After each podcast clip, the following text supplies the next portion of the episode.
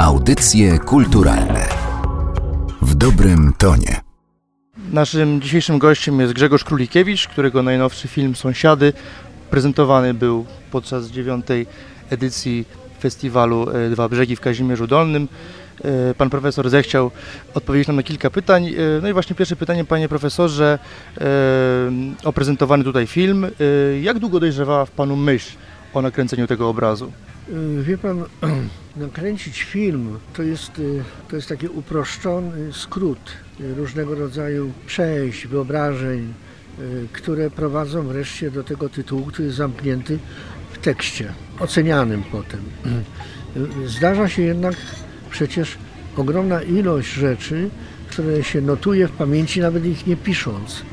I one się potem składają na szereg rzeczy do siebie podobnych albo tak odmiennych, że warte są zestawienia. I mogę powiedzieć, że ja pracuję nad każdym filmem długo. Właśnie w ten drugi sposób. Że nie jest to literacka mm, zwarta całość logicznie powiązanych ze sobą y, zdarzeń, tylko to jest y, y, praca nad niezwykłymi dla mnie wewnętrznym moim życiu zdarzeniami, widokami, zapamiętanymi y, nawet snami często i one potem lokują się w jakiejś dziwnej, niezrozumiałej dla mnie początkowo kolejności, ale stanowią potem pewną zupełnie nie do podrobienia chronologię. W tym filmie nie brakuje takich właśnie sugestywnych szczegółów, wielu symboli, czyli rozumiem, że e, przywołuje je pan czasami świadomie, a czasami pewnie też podświadomie. I tak, i tak.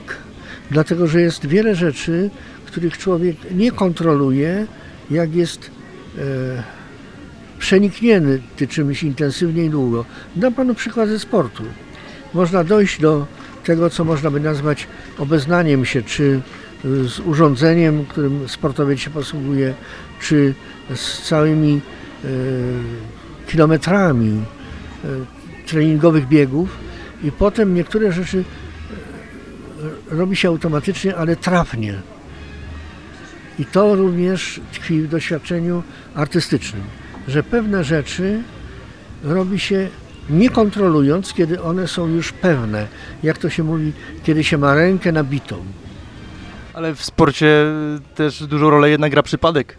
No więc właśnie, do tego zmierzam, że oprócz i, i wtedy na przykład na czym polega e, taka historia, że nie, w filmach, o choćby amerykańskich, niektórzy perfekcjoniści, to dotyczy strzelania z łuku lub z broni palnej, trafiają nawet nie celując zbyt dokładnie, ale, ale trafiają w punkt.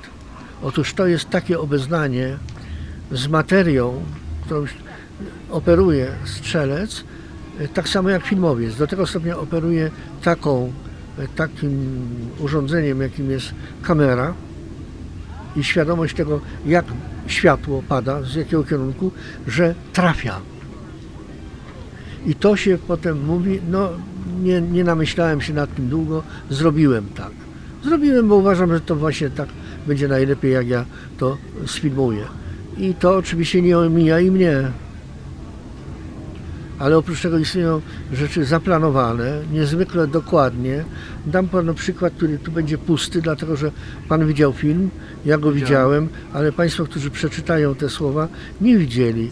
Więc na przykład panu powiem, że scena, która się nazywa Okno, została wymierzona z dokładnością do centymetra.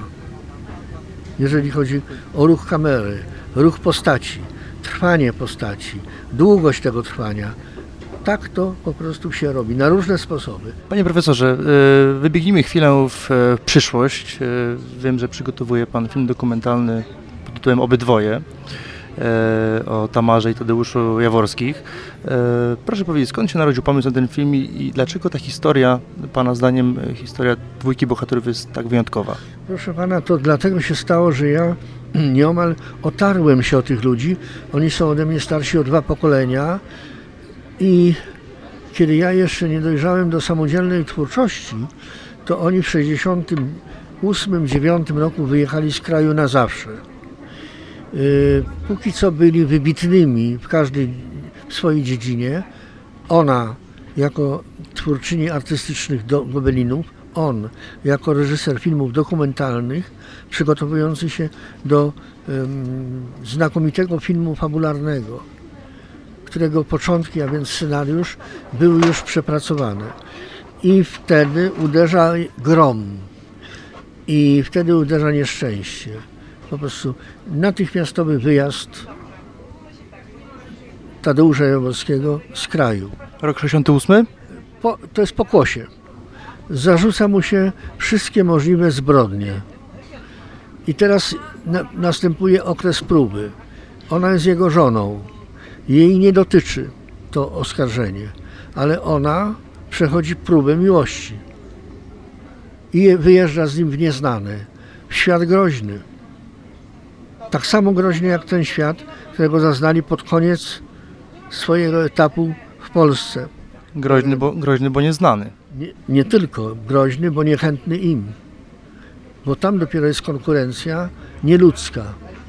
Tu była konkurencja wynikająca ze strachu, z, ze zginania karku lub niezginania twardego karku. Tam rzecz polega na prędkości, na walce, na pogoni lub ucieczce, w takim nagim żywiole, tam na zachodzie, w Ameryce, a właściwie w Kanadzie. I otóż miłość, ich miłość wzajemna ku sobie powoduje, że na przemian są dla siebie wsparciem, yy, podporą finansową na przemian. I to w niczym nie, nie niszczy ich i ich twórczości. Bo to jest ważne, że nieraz się mówi w zbyt pochopny sposób. No, zrobiłby więcej, gdyby nie to, że musiał utrzymać rodzinę, albo ona by dopiero pokazała, gdyby nie to, że miała na utrzymaniu męża.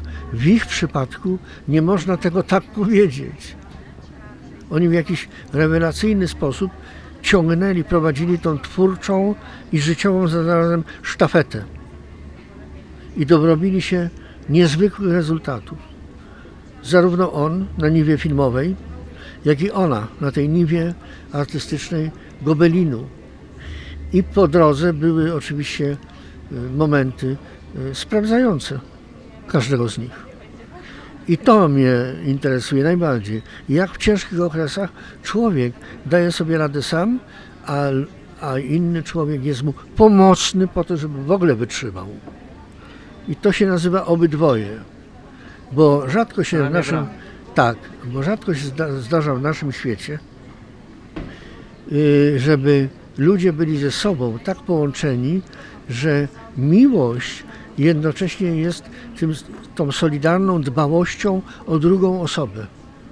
I to jest żywe. Dlaczego y, Solidarność zdechła w Polsce?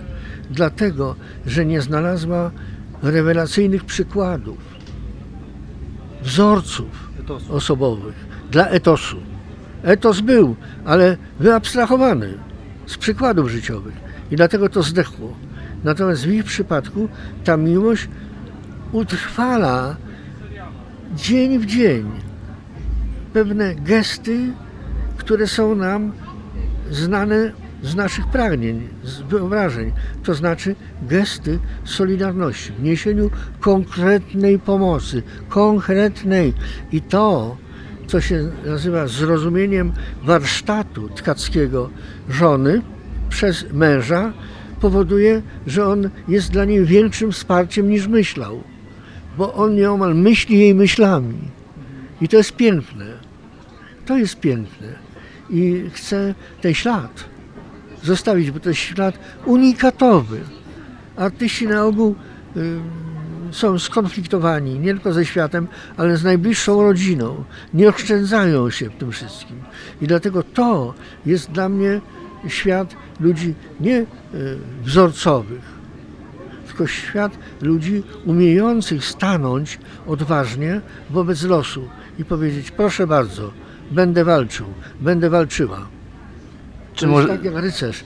Nie zostaje w pojedynku sam na placu, tylko ma przy sobie giermka. Takim giermkiem kolejną był Tadeusz dla swojej żony i żona dla swojego męża Tadeusza, Tamara. I o tym chcę zrobić y, film, który wzruszy nas. Czy możemy zatem spodziewać się, że na przyszłej edycji Kazimierskiego Festiwalu zobaczymy ten film? To jest Narodowe Centrum Kultury i stamtąd dostałem pomoc. I być może, że jak jeszcze szczyptę dodam skądś, nie wiem skąd, bo wierzę w ten film tak mocno, że nawet czasu nie tracę na rozważania, z jakiej skarbonki ja to dostanę. Ale wiem, że dostanę, wiem, że wyśni mi się mój sen i że to będzie zrobione na następną edycję. Audycje kulturalne w dobrym tonie.